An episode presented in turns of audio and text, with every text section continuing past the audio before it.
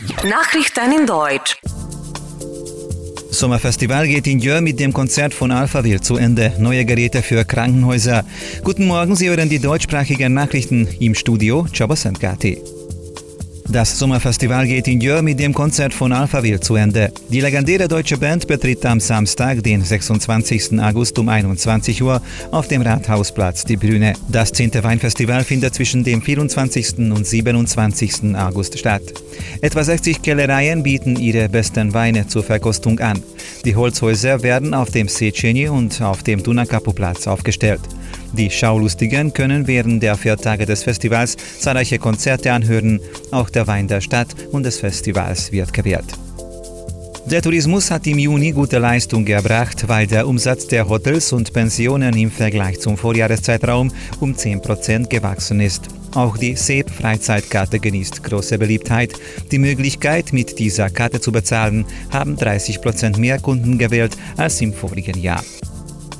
Das Betreiben der Reisebüros wird strenger. Eine Regelung der Europäischen Union ermöglicht, diese Gesellschaften zur Sicherstellung von noch mehr finanzieller Reserven zu verpflichten. Im Fall einer eventuellen Zahlungsunfähigkeit würde somit genügend Deckung zur Verfügung stehen, die Schäden der Reisegäste auszuzahlen. Die Krankenhäuser erhalten neue Röntgenanlagen. In Budapest und im Komitat Pest wird dafür Geld in Milliardenhöhe verwendet. Die Institutionen bekommen auch neue Einrichtungen für Operationen, Mikroskope sowie hunderte Krankenbette. Es besteht die Möglichkeit, auch neue Computer zu kaufen. Die Ausschreibungen werden noch in diesem Monat veröffentlicht. Noch mehr Menschen können ihre Kühlschränke umtauschen. Wenn es nötig ist, könnte die Regierung für das Umtauschprogramm bereitgestellter Finanzrahmen erhöhen. So bekäme jeder die Unterstützung, der diese beantragt hat. Der für Klimapolitik verantwortliche Staatssekretär Joel Sabo wies darauf hin, dass man im Rahmen des Programms die alten Kühlschränke, Tiefkühltruhen, Wasch- und Trocknermaschinen umtauschen kann. Die Regierung rechnet damit, dass bis zum 31. August etwa 50.000 Familien die nicht rückzahlbare Förderung beantragen werden. Die ungarische Filmindustrie rechnet mit einem Rekordjahr, da der Umsatz auch 100 Milliarden Forint überschreiten kann. Der Nationale Filmfonds meint, dass es in erster Linie dem guten Ruf der Experten, der Infrastruktur, den architektonischen Gegebenheiten von Ungarn und den EU-Fördermitteln zu verdanken sei.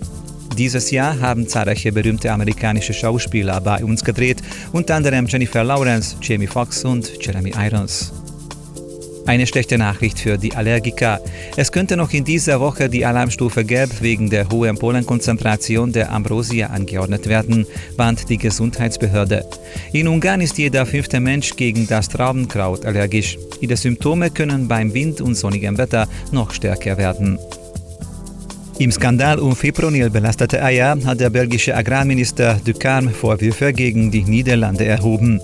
In einer Sondersitzung des belgischen Parlaments sagte Ducarme, dass die niederländischen Behörden bereits Ende November 2016 von belasteten Eiern gewusst, aber nicht darüber informiert hätten. Er berief sich auf ein internes niederländisches Dokument und forderte eine Erklärung der Regierung.